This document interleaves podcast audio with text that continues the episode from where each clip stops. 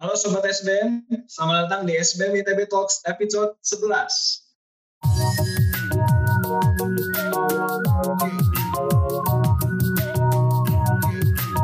Perkenalkan, saya Jeremy Awan, mahasiswa program studi manajemen 2020. Saya akan menjadi announcer uh, SBM ITB Talks kali ini. Bagi yang belum tahu, SBM ITB Talks adalah sebuah podcast yang membahas tentang isu-isu manajemen dan bisnis yang sedang hangat dibicarakan di masyarakat. Pada episode kali ini, kita akan bahas tentang topik yang sangat menarik, yaitu tentang investasi saham. Ditemani dengan Pak Donald Christopherantu, Faza Ferana, dan juga Grace Kristiadi. Selamat sore, Pak Donald. Sore, Wen. Sore, teman-teman. Ya. Sore, Pak. Eh, kami juga akan ditemani dengan Grace Kristiadi dan juga Faza Ferana. Selamat sore. Sore. Sore, teman-teman. Mereka berdua adalah director untuk Crowlin Investment Club, uh, sebuah wadah yang uh, mewadahi para mahasiswa yang ingin praktek berinvestasi di lingkungan SBM ITB. Uh, kita langsung saja untuk pertanyaan pembuka, Pak Donald.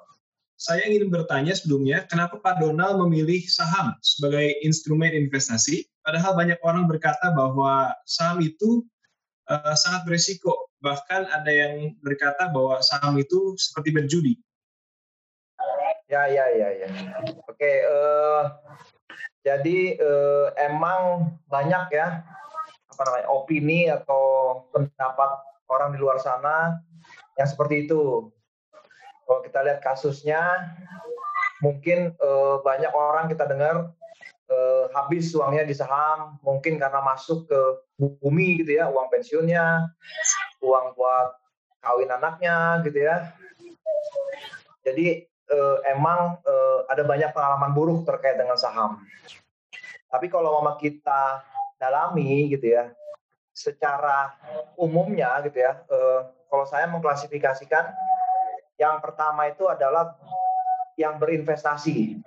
Jadi orang-orang yang memang tujuannya masuk ke bursa saham itu untuk berinvestasi. Jadi gayanya gaya investasi. Sama seperti kalau mama kita mau beli tanah, ya kan? Kalau kita mau investasi ini teman-teman nih, uh, Owen, Fasa atau atau Chris mau investasi tanah, kan biasanya ada dua variabel yang diperhatikan. Yang pertama lokasi, ya kan? Lokasi. Lokasinya itu biasanya diturunkan lagi ada subvariabelnya kira-kira uh, ada pemukiman penduduk nggak, ada transportasi publik nggak, itu checklist pertama. Checklist kedua kita lihat harganya, ya kan? Kira-kira harganya dijual dengan harga pasar atau tidak. Nah kalau mau dijual dengan harga di bawah pasar, berarti dia murah, gitu kan, memenuhi checklist kedua. Nah jika memenuhi kedua kriteria ini, baru kemudian kita ambil keputusan bahwa kita akan presentasi. Tentu jika ada uangnya, gitu ya sama seperti di saham. Jadi kita juga punya kriteria-kriteria seperti itu. Ada analisisnya. Nah, misalnya kita lihat apakah sahamnya ini perusahaannya bagus atau tidak, gitu ya. Harganya murah atau tidak, prospeknya bagus atau tidak. Ada masalah nggak dengan perusahaan, dengan manajemennya. Nah, jika memenuhi kriteria itu, kita masuk ke situ dan kita pegang saham itu sama seperti kita misalnya berinvestasi di tanah, ya kan? Tidak dalam waktu satu dua hari kita lepas, kita beli saham ya. apa tanah di Dago tentu tidak kita jual besok atau minggu depan atau bulan depan ya kan? Kita akan menunggu itu mungkin setahun dua tahun pada saat harga sudah naik baru kita lepas. Nah berinvestasi di saham itu kira-kira perilakunya seperti itulah uh, ilustrasinya. Sayangnya gitu ya saya kalau saya melihat banyak para pelaku itu perilakunya tidak seperti investor. Jadi malah lebih banyaknya sebagai gambler. Mereka tidak melakukan analisis kadang-kadang. Kadang-kadang hmm. mereka tidak tahu perusahaan apa yang mereka beli. Cuman ikutan saran orang ini bumi lagi naik, ayo kita beli. Ikutan beli. Tapi bumi itu perusahaan apa gitu kan nggak tahu gitu. Jadi ini perilakunya sama seperti perilaku judi. Dan jumlahnya cukup besar ternyata di dunia bursa dan telah memakan korban. Kalau kita lihat di di berbagai tempat judi gitu kan. Yang namanya pemain judi itu nggak pernah menang kecuali satu dua orang lah yang jago banget gitu yang bisa memanipulasi sistem yang ada di sana, ya kan? Tapi kalau kita masuk ke Las Vegas atau ke Macau gitu ya, dengan bawa uang tertentu, artinya kita harus merelakan uang itu habis atau hilang di meja judi. Kita tidak berharap itu untuk apa namanya mendapatkan capital gain atau keuntungan dari judi itu. Ini yang harus di, dibedakan gitu ya. Jadi eh, masuk ke bursa saham tujuan dan perilakunya harus sebagai investor. Kenapa harus masuk ke saham? Kenapa saya masuk ke saham? Nah ini pertanyaan yang menarik. Jadi sebenarnya eh, ada banyak ada banyak faktornya gitu ya. Tapi bagi saya yang sudah uh, mengalami ini selama lima tahun, saya pikir bursa saham adalah cara tersimpel apa namanya tersederhana untuk bisa membawa kita menuju financial freedom. Jadi kita sudah bandingkan biasanya gampang di internet dicari berapa sih besarnya return kalau mau kita investasi di saham, di properti atau di katakan di deposito sama obligasi. Bagi orang-orang yang memilih berinvestasi saham dengan cara yang benar, gitu, returnnya itu terbukti jauh lebih besar, gitu ya. Bahkan kalau kita mau lihat nih, uang yang beredar di bursa saham itu jauh lebih besar dibandingkan uang yang ada di, di masyarakat. Uang yang ada di bursa saham itu sekitar 6.000 triliun market kapitalisasinya. Nah, uang yang beredar di masyarakat itu di bawah 6.000 triliun. Jadi harta karun dunia itu ya baik di Indonesia maupun di negara lain itu ada di bursa saham. Ada di bursa saham. Nah, kalau kita mau masuk mempelajari bagaimana berinvestasi yang benar di bursa saham, itu adalah jalan tersimpel untuk mencapai financial freedom. Bagi saya juga saya udah pernah coba beberapa kali usaha, tapi kemudian mungkin saya tidak punya kemampuan untuk berwirausaha. Dan berwirausaha juga itu variabelnya banyak sekali. Hmm. Jadi pertama kita harus membuat produk yang bagus. Kedua kita harus mengerti bagaimana perilaku konsumen. Yang ketiga kita harus memahami, memimpin anak buah kita, rekan kerja kita, supplier dan sebagainya. Jadi banyak sekali variabel yang harus kita kontrol. Di bursa saham untuk bisa berhasil itu cuma diri kita yang harus kita kontrol. Jadi variabelnya cuma satu. Jadi simpel sekali. Kalau kita rajin, kalau mama kita berusaha berupaya dengan benar gitu ya, spending waktu untuk baca laporan keuangan, laporan uh, public exposure, itu saya jamin pasti berhasil di bursa saham. Karena cuma variabel kita aja yang perlu kita kendalikan. Beda sama berbisnis. Gitu ya. Kalau berbisnis tadi ada banyak variabel dari produk, dari konsumen, dari karyawan, dari preman gitu ya. Seringkali kayak seperti ini COVID-19 gitu ya. Itu banyak sekali bisnis yang tumbang. Sementara bursa saham juga turun, tapi reboundnya lebih cepat. Bursa saham di Amerika dan mungkin di beberapa di Eropa itu sudah pulih. Harga saham Dow Jones gitu ya, Nasdaq itu sudah kembali ke harga dia sebelum uh, COVID-19 melanda di, dianggap sebagai pandemi. Jadi bagi saya investasi di bursa saham adalah investasi yang terbaik, hmm. tersimpel, yang bisa membantu kita mencapai financial freedom gitu ya eh, dengan lebih sederhana dibandingkan investasi yang lain. Tapi mungkin orang lain yang punya kemampuan di bidang bisnis mungkin akan berkata yang lain gitu ya. Jadi kata kuncinya tentu kita harus mencari perusahaan yang baik gitu ya, masuk di harga yang murah atau wajar dan uh, kita memegangnya dalam jangka waktu yang panjang. Dengan cara demikian kita akan bisa uh, mendapatkan keuntungan yang signifikan. Capeknya itu di awal pada saat kita mencari perusahaan mana yang mau kita masuk. Tapi begitu kita sudah mendapatkan perusahaan yang baik, kita diam aja. Gak usah ngapa-ngapain lagi gitu kan biarkan uang kita berkembang, bertumbuh, bertumbuh dan berkembang dan menikmati hasilnya di kemudian hari. Uh, mungkin aku pengen nanya ya Pak ya. Ah, silakan. Uh, uh, biar kan masih banyak nih bingung saham itu apa sih? Uh, saham itu apa sih kok bisa naik bisa turun gitu kan? Biasanya orang kan bingung. Nah saya pengen nanya nih untuk mewakili orang-orang aja mungkin. Uh, sebenarnya mekanisme pasar saham tuh gimana sih? Kok dia tuh bisa naik kok bisa turun? Terus kita nih sebagai apa sih? Maksudnya kita beli saham nih beli apa gitu kalau kita beli obligasi kan beli surat utang gitu ya. Kalau deposito kan kita taruh. Nah, sahamnya apa gitu Pak? Mungkin bisa Pak dijelaskan lebih lanjut Pak. Terima kasih. Good, good. Pertanyaan yang sangat baik ya. Uh, jadi saham ini kita sebagai apa namanya? Tadi saya sebagai alat instrumen kita berinvestasi. Nah, pada saat saya memiliki atau membeli sebuah uh, sebuah porsi uh, emiten gitu ya, beberapa lembar emiten, beberapa lembar lot emiten tertentu misalnya. Artinya saya itu menjadi pemilik perusahaan itu. Saya adalah shareholder gitu ya, yang kemudian berhak mendapatkan berbagai eh, apa namanya manfaat yang dihasilkan oleh perusahaan itu. Dan saya juga akan bisa tumbuh berkembang seiring dengan kemajuan dari perusahaan itu. Itulah makanya bursa saham itu didirikan sebenarnya tujuan kenapa bursa saham itu didirikan. Karena para pemilik modal yang besar itu ya, seakan-akan memberikan kesempatan kepada kita yang tidak mempunyai uang yang banyak untuk bisa ikut berpartisipasi dalam kepemilikan sebuah perusahaan. Oke, kalau dari saya Pak, pertanyaan untuk uh, mengenai value investing ini Pak di pertanyaan pertama. Nah, uh, kalau kita lihat sekarang itu milenial, generasi milenial, terutama uh, generasi saya, seperti itu Pak, uh, fenomenanya banyak nih Pak yang terjun ke pasar saham, cuma mereka mulainya dari reksadana seperti itu Pak. Jadi banyak yang memulai sekarang kan marak aplikasi seperti Bibit, Bareksa seperti itu Pak. Nah, uh, uh, perbedaannya apa kira-kira Pak dengan uh, metode value investing yang akan kita bahas ke depan nih Pak?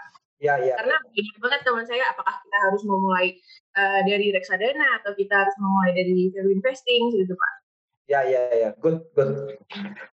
Uh, kalau Benjamin Graham itu sebutkan ada tipikal investor pasif dan agresif, ya kan? Intinya mungkin tidak semua orang punya waktu dan energi untuk bisa menganalisis emiten, ya kan, untuk bisa melakukan metode uh, value investing uh, secara pribadi, sehingga mungkin orang-orang ini adalah orang-orang yang sibuk bekerja pagi sampai sore karyawan, atau mungkin kuliah, atau mungkin punya bisnis, gitu ya, sehingga mereka tidak punya waktu untuk mencari saham yang baik di harga yang murah gitu ya. Nah, bagi mereka metode yang ditawarkan oleh reksadana itu sangat menarik gitu. Jadi biarkan profesional yang men mencari mencarikan hmm. atau membantu Anda untuk berinvestasi di saham, Anda tahu beres gitu kan. Tentu dengan adanya dengan ada beberapa biaya yang di charge ke ke apa namanya ke sang individu yang ter, tertarik di di reksadana itu. Nah, karena ada berbagai berbagai potongan gitu ya, berbagai potongan dan sering kali juga eh, reksadana ini eh, menggunakan metode yang belum tentu pakai metode value investing, ya kan? Eh, sering kali atau atau hampir semua sebenarnya hampir semua return mereka itu di bawah kenaikan ISG. Jadi misalnya ISG, IHSG tahun 2019 naik 15 persen, misalnya gitu ya, saya lupa persisnya. Nah, reksadana ini, semua reksadana ini pasti, bukan pasti sih, 90 persen lebih itu returnnya di bawah 15 persen. Beda gitu ya, kalau mau kita pakai value investing gitu ya, eh, pada saat eh, pasar misalnya eh, naik 15 persen, sering kali kita melihat hasil dari rekan-rekan yang menggunakan metode ini, termasuk Buffett sendiri waktu di awal-awal karirnya, gitu ya, beliau menyarankan jika uang kita masih sedikit, kita menggunakan value investing, dia perkirakan return kita tuh minimal 50% setahun. Tentu kalau mama di luar pasar biris gitu ya, pasar biris itu seperti tahun ini pasarnya lagi jelek gitu ya itu mungkin akan turun bisa juga negatif yeah. Iya. uh, hasilnya itu akan lebih rendah tapi itu lebih lebih tinggi daripada deposito dan obligasi. Nah, hanya emang eh, di Indonesia dan di pasar Asia itu kan bursa sahamnya itu dinamikanya terlalu tinggi volatilitasnya sehingga dua atau tiga tahun sekali itu itu biris atau uh, kurang bagus artinya minus ya ISG-nya minus. Nah apakah kenaikan misalnya kalau mama di tiga tahun sekali polanya dia biris jelek gitu ya selama dua tahun kenaikannya menutupi penurunan dia di tahun ketiga ini kan yang kemudian uh, teman-teman yang di reksadana tidak bisa ngecek dan tidak bisa uh, tahu perkembangannya gitu ya. Tapi ada kelebihannya, dia tidak perlu capek mencari analis, mencari menganalisis sebuah emiten di mana mereka membangun sebuah portofolio untuk berinvestasi di bursa saham. Reksadana juga sebenarnya dicampur ada pendapatan tetap gitu ya. Ada dicampur obligasi deposito. Mungkin untuk mengurangi resiko itu.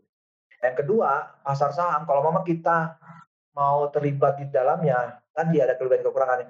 Kelebihannya sering kali hasilnya itu jauh di atas jauh di atas IHSG ya kan karena IHSG itu kan digerakkan oleh uh, big caps gitu ya Telkom, BRI, BCA yang mungkin kenaikannya terbatas. Sementara value investing mungkin banyaknya tidak bermain di big caps itu yang harganya sudah mahal. Iya dan kenaikannya sering kali uh, lebih besar daripada daripada kenaikan IHSG. Tapi waktu dan effort yang dikeluarkan jauh lebih banyak. Jauh lebih banyak. Jadi misalnya saya itu uh, harus membaca laporan keuangan gitu ya, uh, laporan tahunan, update bisnis di Indonesia itu tiga jam sehari kira-kira rata-rata. Karena saya juga punya kerjaan uh, sebagai dosen misalnya di ITB.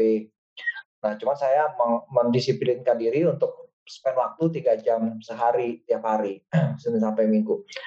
Nah, effort ini kan belum tentu semua orang mau dan mampu untuk bisa uh, spend waktu tiga jam sehari. Dengan reksadana itu dibantu, tentu dengan berbagai kompromi lah ya, dengan berbagai kompromi. Grace ada di ada di mana di reksadana mana?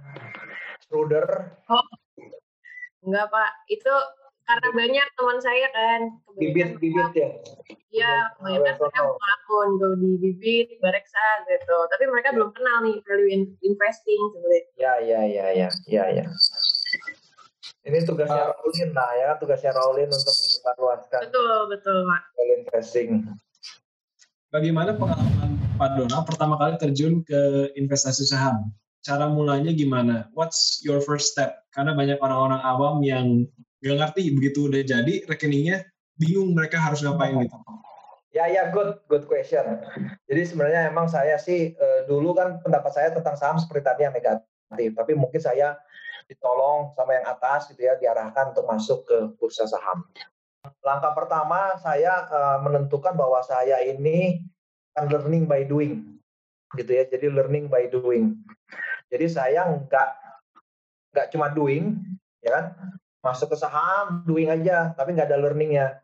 Atau saya learning aja baca-baca buku gitu tapi nggak doing doing jadi kayak main sepeda atau berenang. Jadi uh, kita belajar sambil melakukan langsung terjun langsung. Saya di tahun pertama itu saya baca semua buku tentang value investing. Untungnya saya diarahkan untuk belajar value investing.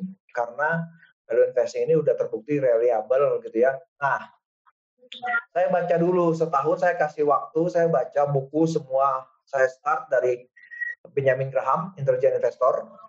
Setelah itu saya cari buku-buku yang terkait dengan Warren Buffett gitu ya. Apakah itu ditulis oleh orang lain? Misalnya Warren Buffett Way gitu ya, maupun tulisan-tulisan Warren Buffett sendiri, tulisan untuk para pemegang saham, uh, surat untuk para pemegang saham itu yang tiap tahun dilakukan oleh Warren Buffett untuk para pemegang saham Berkshire Hathaway. Jadi saya belajar termasuk Peter Lynch, Peter Lynch, eh, buku-buku yang lain gitu ya, saya baca semua sehingga saya paham prinsip-prinsipnya, strategi-strateginya, portofolionya seperti apa, money management, asset allocations, itu saya pelajari semua selama satu tahun. Itu di sisi belajarnya gitu ya. Di sisi doingnya, saya biar saya tidak salah caranya, ya kan? Sambil saya belajar, ya kan? Tentu saya belajar tuh butuh waktu, gitu ya. Kalau saya berusaha untuk langsung menerapkan ilmu saya itu, itu terlalu riskan. Jadi dari sisi doingnya itu saya nyontek dulu. Nah, eh, saya itu caranya doingnya itu dengan cara eh, melihat e-book yang dikeluarkan oleh Teguh Hidayat. Jadi Teguh Hidayat itu setiap tiga bulan sekali, biasanya setelah emiten mengeluarkan laporan keuangannya, gitu ya, beliau akan mengeluarkan e-book yang isinya 30 emiten saham yang direkomendasikan untuk dibeli dan diinvestasikan. Nah, saya nggak milih 30-30-nya, tapi saya saring lagi 10 yang terbaik, saya pilih berdasarkan ilmu yang saya miliki pada saat itu, dan saya beli 10 emiten itu berdasarkan apa yang dilakukan oleh Teguh Hidayat. Tapi saya cari 10 yang terbaik. Dengan cara seperti itu, gitu ya, dengan cara seperti itu tuh saya mendapatkan uh, profit lah, profit 30% di satu tahun pertama itu. Dengan dengan hasil 30% kan lumayan dibandingkan kita deposito obligasi yang di bawah 10% pada saat itu. Semakin yakinlah saya bahwa saham ini benar-benar alat investasi yang terbaik gitu. Dari mana coba kira-kira kita bisa berinvestasi atau berbisnis setahun dikasih 30 persen? Jadi setelah saya baca buku, learningnya dilakukan selama setahun, dan doingnya juga saya lakukan dengan cara tadi mencontek uh, e-booknya Pak Teguh Hidayat, di tahun kedua saya memutuskan untuk melakukan sendiri. Jadi saya nggak nyontek lagi. Kan saya udah belajar gitu kan, udah tahu aspek uh, teknisnya, saya sudah tahu uh, apa namanya aspek uh, teorinya. Jadi saya sudah punya pengalaman.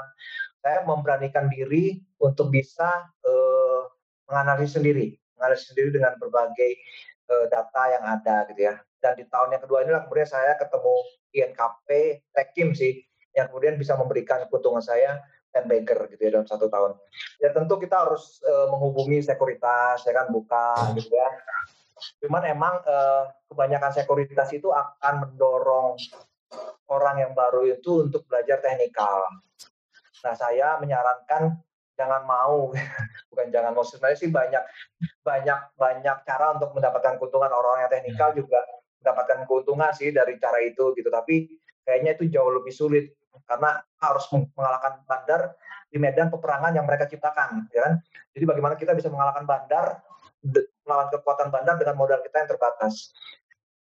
Dan jangan percaya sama rekomendasi-rekomendasi kan? Kadang-kadang broker itu memberikan rekomendasi. Uh, pada saat kita dikasih rekomendasi tanya Mas beli nggak sahamnya? Ya kan? kalau mama dia kasih rekomendasi tapi dia nggak beli atau malah jangan-jangan kayak grup-grup telegram gitu dia kasih rekomendasi ayo kita beli saham apa namanya tele gitu kan. Tapi kemudian secara di belakang dia ternyata menjual saham itu gitu. Kita disuruh beli ya kan tapi dia menjual. Nah ada beberapa kalau mama kita lihat cerita-ceritanya seperti itu. Semua orang di bursa saham tuh nyari duit gitu ya.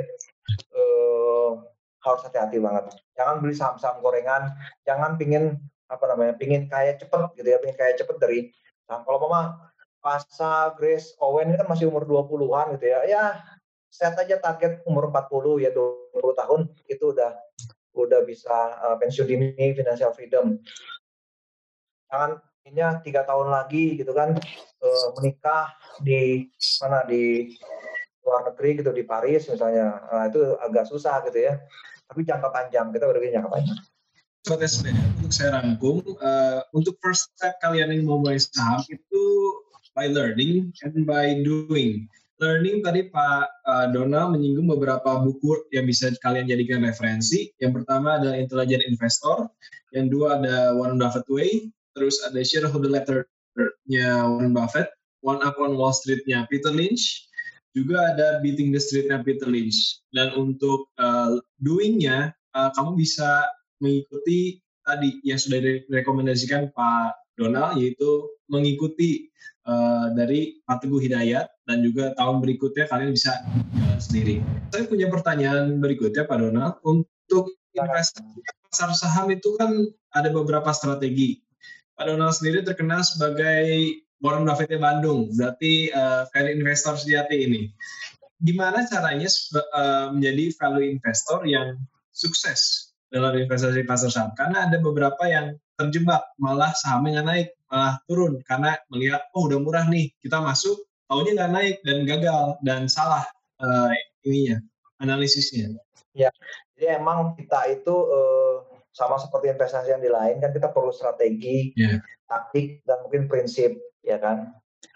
Bagi saya gitu ya, uh, pertama saya punya prinsip-prinsip lah yang harus saya adopsi dalam berinvestasi gitu ya, tentu dalam kehidupan juga. Prinsip pertama itu uh, adalah harus rajin baca, ya mungkin milenial ini bisa diganti bacanya tuh dengerin YouTube video gitu ya.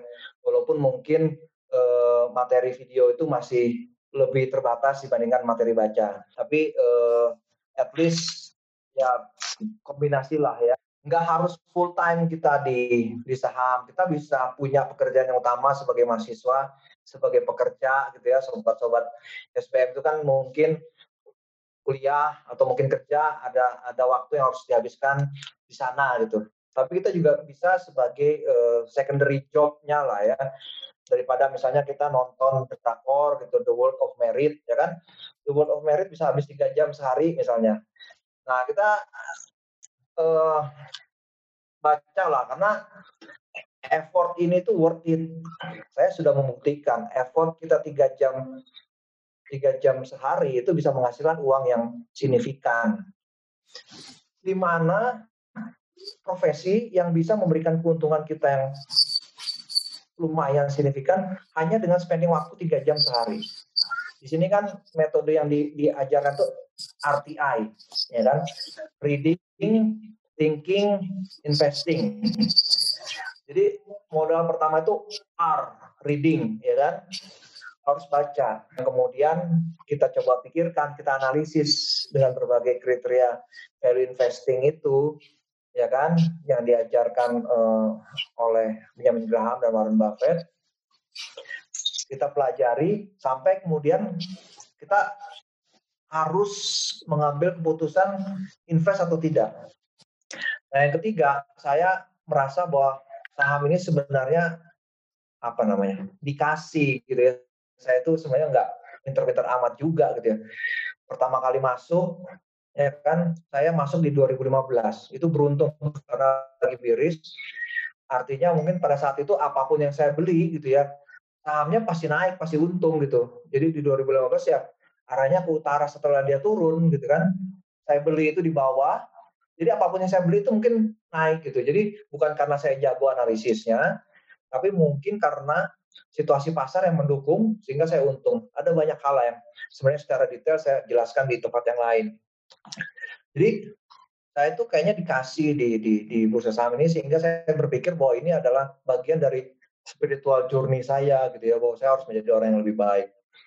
Sehingga saya harus menerapkan prinsip-prinsip spiritual bahwa saya harus mulai berbagi termasuk seperti ini saya harus berbagi ilmu gitu ya. Tidak mengambil uang dari dari berbagi ilmu karena saya dikasih juga gitu ya. Bahkan orang-orang hebat di luar sana Warren Buffett dan kawan-kawan itu ya ilmunya dikasih secara free gitu ya. Siapa aja bisa belajar tanpa harus misalnya uh, bayar ke beliau. Nah uh, ada juga prinsip-prinsip yang lain saya harus terapkan. Misalnya saya nggak nggak boleh itu beli beli saham-saham rokok gitu ya. Walaupun saya udah tergiur ngeliat ayam sampurna turun di seribu gitu kan. Ya. belum Wismilak itu murah banget gitu. Aduh ini. Tapi ya nggak boleh masuk karena kurang rokok gitu. Jadi prinsip-prinsip spiritual itu adalah uh, hal yang ketiga yang saya jaga. Tentu ada beberapa uh, perusahaan-perusahaan yang lain, misalnya kayak retail gitu ya, saya masuk di banking juga. Uh, di banking pun saya misalnya masuk di BRI Syariah gitu ya, karena ya itu ada potensi turnaround. Dia sempat mengalami masalah tahun lalu, tapi dengan adanya kanun di Aceh gitu ya, dengan adanya pengembangan ekonomi syariah di Indonesia, uh, BRI Syariah ini akan around tahun ini. Mudah-mudahan terjadi tahun ini. Ter, terlihat sih di kuartal pertama. Saya juga harus berbicara soal uh, money management, ya kan, money management. Jangan pernah kita uh, masuk ke dunia saham dengan ngutang. ya kan? Saya nggak sarankan sangat tidak rekomendasi kalau memang teman-teman gitu pakai uang kartu kredit ya kan? Ngutang dulu gitu atau apa namanya? Uh, uh, gesek dulu sekarang pay letter itu apa tuh yang sekarang tuh lagi lagi rame ya kan?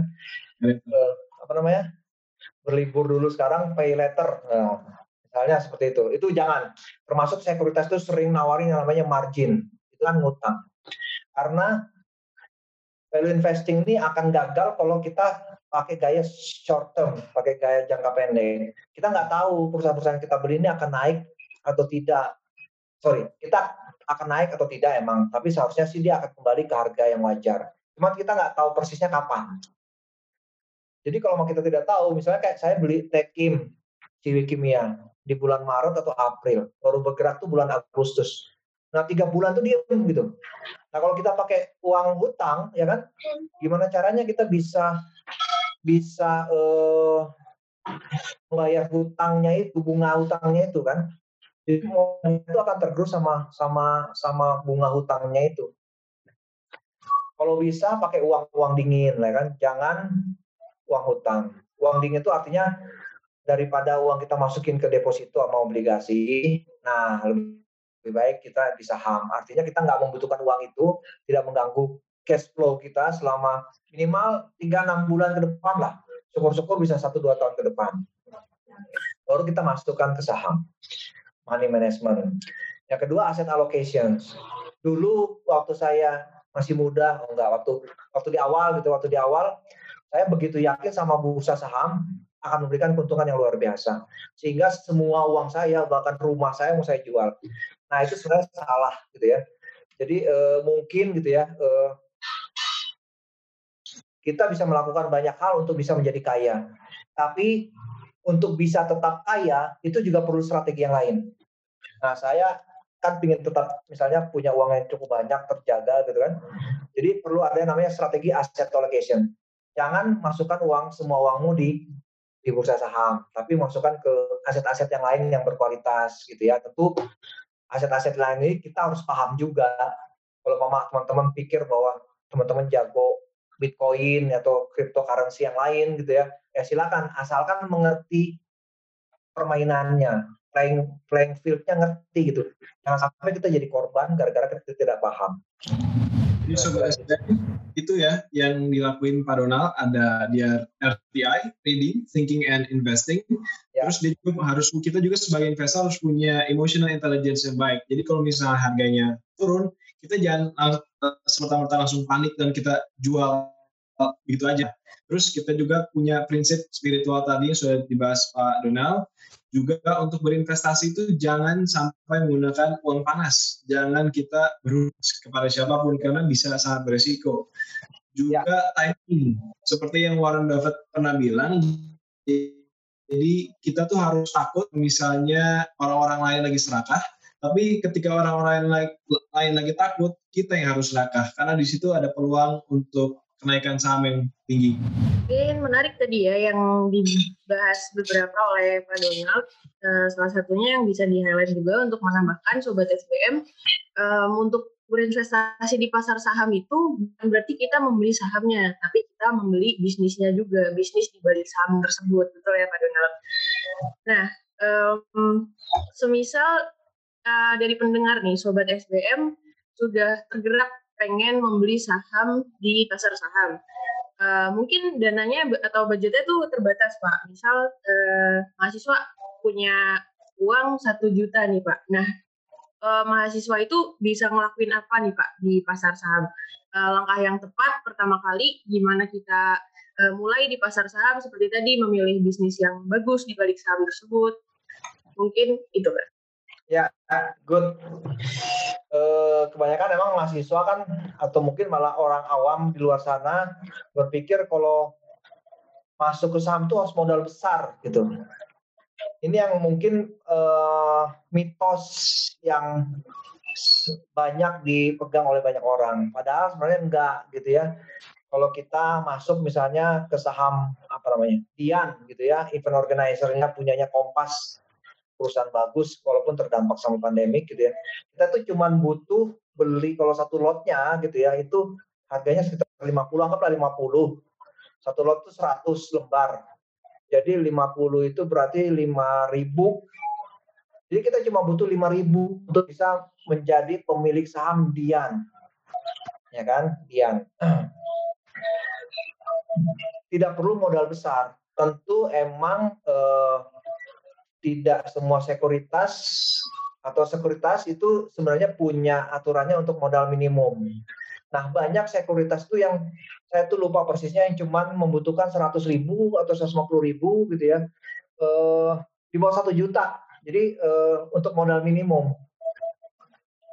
Apalagi sekarang dipermudah, kita bisa online daftarnya sehari jadi asal persyaratannya lengkap, dokumen lengkap gitu ya. Ada beberapa sekuritas yang yang bisa memberikan fasilitas itu. jadi nggak perlu modal banyak, mungkin bisa dicek ke masing-masing sekuritas. Hanya emang uh, oh ya kadang kalau mau mereka punya promo ada acara-acara nih bareng sama sama eh, IDIS gitu ya, Bursa Saham Indonesia, BI, Bursa Efek Indonesia. Kadang-kadang mereka bisa adain promo gitu ya, sehingga modalnya itu 100 ribu kalau tidak salah, atau bahkan lebih rendah. Bahkan mereka nambahin 50 ribu katakan. Jadi uh, modal kecil aja udah bisa. Nah yang paling penting itu langsung mulai sekarang ya kan, doingnya itu. Yeah. Dan jangan langsung doing itu dengan dengan apa namanya rekomendasi orang atau broker atau apa gitu ya kalau saya tadi sarankan pakai Teguh Pak Teguh Hidayat karena beliau tuh tampaknya lebih lebih objektif, gitu, tidak ada kepentingan. Ya emang mungkin kepentingan untuk menjual e-booknya itu ya. Tapi pemilihan sahamnya menurut saya itu cukup objektif. Beda kayak broker dan komunitas saham Telegram itu saya nggak yakin eh, apa namanya objektivitasnya gitu ya motivasi dia merekomendasikan saham itu seperti apa. At least saya udah pernah mengalami sendiri gitu ya di Teguh Hidayat. Nah dari situlah coba dibangun portofolionya, uh, coba pilih gitu ya. Uh, ya sebenarnya sih agak gampang karena sekarang ini hampir semua murah gitu ya. Tapi mungkin bisa dites saham-saham yang yang yang blue chip mungkin untuk anak-anak muda yang ingin ngetes gitu ya, ingin ngetes belajar sambil ngetes gitu ya. Blue chip tapi nggak uh, perlu effort kita uh, menganalisis gitu ya. Misalnya, aduh Pak Teguh Hidayat aja untuk bayar e-booknya aja satu juta gitu ya. Modalnya habis untuk untuk bayar e, daripada saya beli e-booknya Pak Teguh Hidayat, mendingan saya langsung beli saham. Nah misalnya gitu. Nah kalau kayak gitu paling gampang misalnya cari saham blue chip yang masih murah.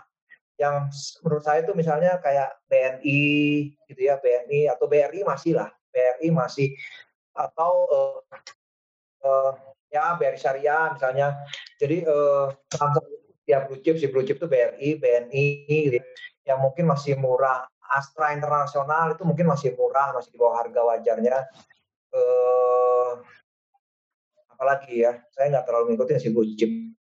Misalnya gitu, jadi eh, perusahaan-perusahaan yang sudah kita kenal, sudah kita kenal merek-mereknya, tapi kemudian dia ada di bursa saham. Tapi saya nggak sarankan misalnya Unilever, BCA, uh, Telkom gitu ya itu udah udah mahal.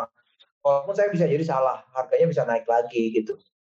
Tapi ada saham-saham blue chip yang harganya masih murah sehingga potensi gainnya masih cukup besar. Kayak tadi BRI, BNI, Bank Mandiri yang miliknya uh, eh, BUMN itu masih masih oke okay lah, masih oke okay lah. Potensi gainnya masih besar. Kira-kira seperti itu.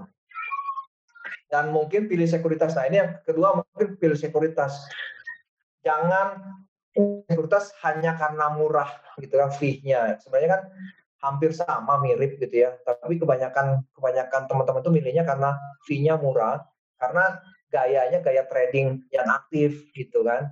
Tapi kan bagi value investor itu sebenarnya transaksinya itu jarang sehingga biayanya itu tidak terlalu signifikan. Nah, saya sarankan cari sekuritas yang mau mendidik nasabahnya yang mau mendidik nasabahnya agar kemudian nasabahnya itu bisa cuan sendirian tanpa harus nyontek. Nah, ada beberapa mungkin sekuritas yang seperti ini, tapi saya tahu karena saya di situ adalah panen sekuritas dago, gitu ya. Ini dekat, apalagi sama ITB, misalnya itu dekat banget kan, sobat-sobat SPM bisa ke sana cuma 5 menit kali eh, kalau normal, gitu ya. Kalau sudah buka normal, itu ada di eh, Maulana Yusuf di seberangnya sebelahnya sate sebelahnya gereja itu.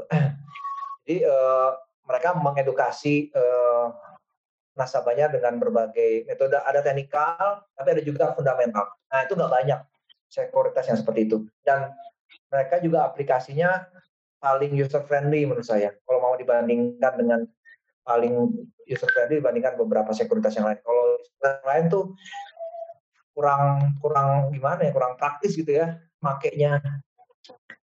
Ini enak. Nah itu jadi pilih sekuritas yang tepat lah. Saya nambahin untuk untuk pemilihan sekuritas selain Panin Sekuritas, uh, saya juga mau merekomendasiin Indo Premier karena sama uh, user interface-nya bagus dan enak untuk investor, apalagi buat anak-anak muda. Juga ada Trimegah, uh, Trimegah Sekuritas juga salah satu yang uh, UI UX-nya bagus dan cocok banget. Ya. Terima kasih Pak Donald uh, udah sharing ke kita ke sobat SBM bagaimana investasi di saham, juga Faza sama Grace. Mungkin ditutupnya sama kalian semua ada yang berbicara dulu closing statementnya dari Pak Donald dulu boleh Pak? closing statement ya. Jadi eh, saham itu the best choice ya kan untuk investasi yang bisa membawa kita menuju financial freedom. Mumpung sobat-sobat SBM masih muda, ya kan? Manfaatkanlah bursa saham Indonesia, jangan hanya orang asing, ya kan? Belajar banyak tentang investasi di saham dan semua ilmunya ada di SBM. Semua ilmunya ada di SBM. Tinggal kita mau prakteknya nih, ya kan? Mau praktek aja. Pastikan pakai cara yang benar, gitu. Saya sarankan pakai value invest pasti tidak dijamin uh, sobat SBM akan pensiun muda, mudah-mudahan sebelum umur 40 gitu ya. Yeah. Salam cuan, salam investasi, sehat selalu. Terima kasih. Kalau aku closing statementnya dari sisi mahasiswa aja nih. Tipnya nih investasi saham, terutama kalau pakai cara value investing nih, sobat SBM bisa dapat banyak banget manfaatnya nih selain duit ya, selain cuan nih yang digembor-gemborkan kan cuan mulu nih tapi sebenarnya enggak. Dari segi ilmu itu sobat SBM seru banget loh kalau misalnya ngerti pasar saham itu sobat SBM juga ngerti cara bisnis itu bekerja cara model bisnis cara oh ternyata perusahaan-perusahaan tuh cara ngasilin duit tuh gini toh.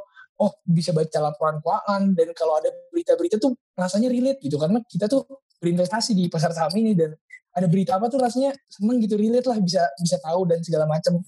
Gitu sih paling itu aja sum up closing statement dari Pak Donald dan Faza mungkin ya. Jadi mungkin uh, buat sobat SBM nih yang pengen menerapkan value investing, uh, aku mengutip tiga hal pokok aja sih dari Warren Buffett. Yang pertama itu kita uh, gimana kita value investing itu kita memilih perusahaan yang ber berkinerja baik Kemudian yang kedua itu kita membelinya di harga yang wajar.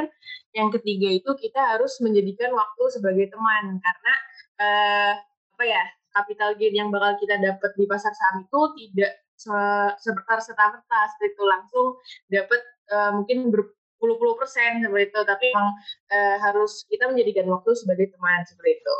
Jadi terutama sobat SBM sangat dianjurkan ya untuk belajar value investing ini gitu. Demikian podcast SBM ITB Talks hari ini. Jangan lupa like, comment, share, dan subscribe YouTube SBM ITB Talks dan juga follow SBM ITB Talks di Spotify. Sampai jumpa di SBM ITB Talks selanjutnya. Bye. SBM ITB for the greater good. For the greater good.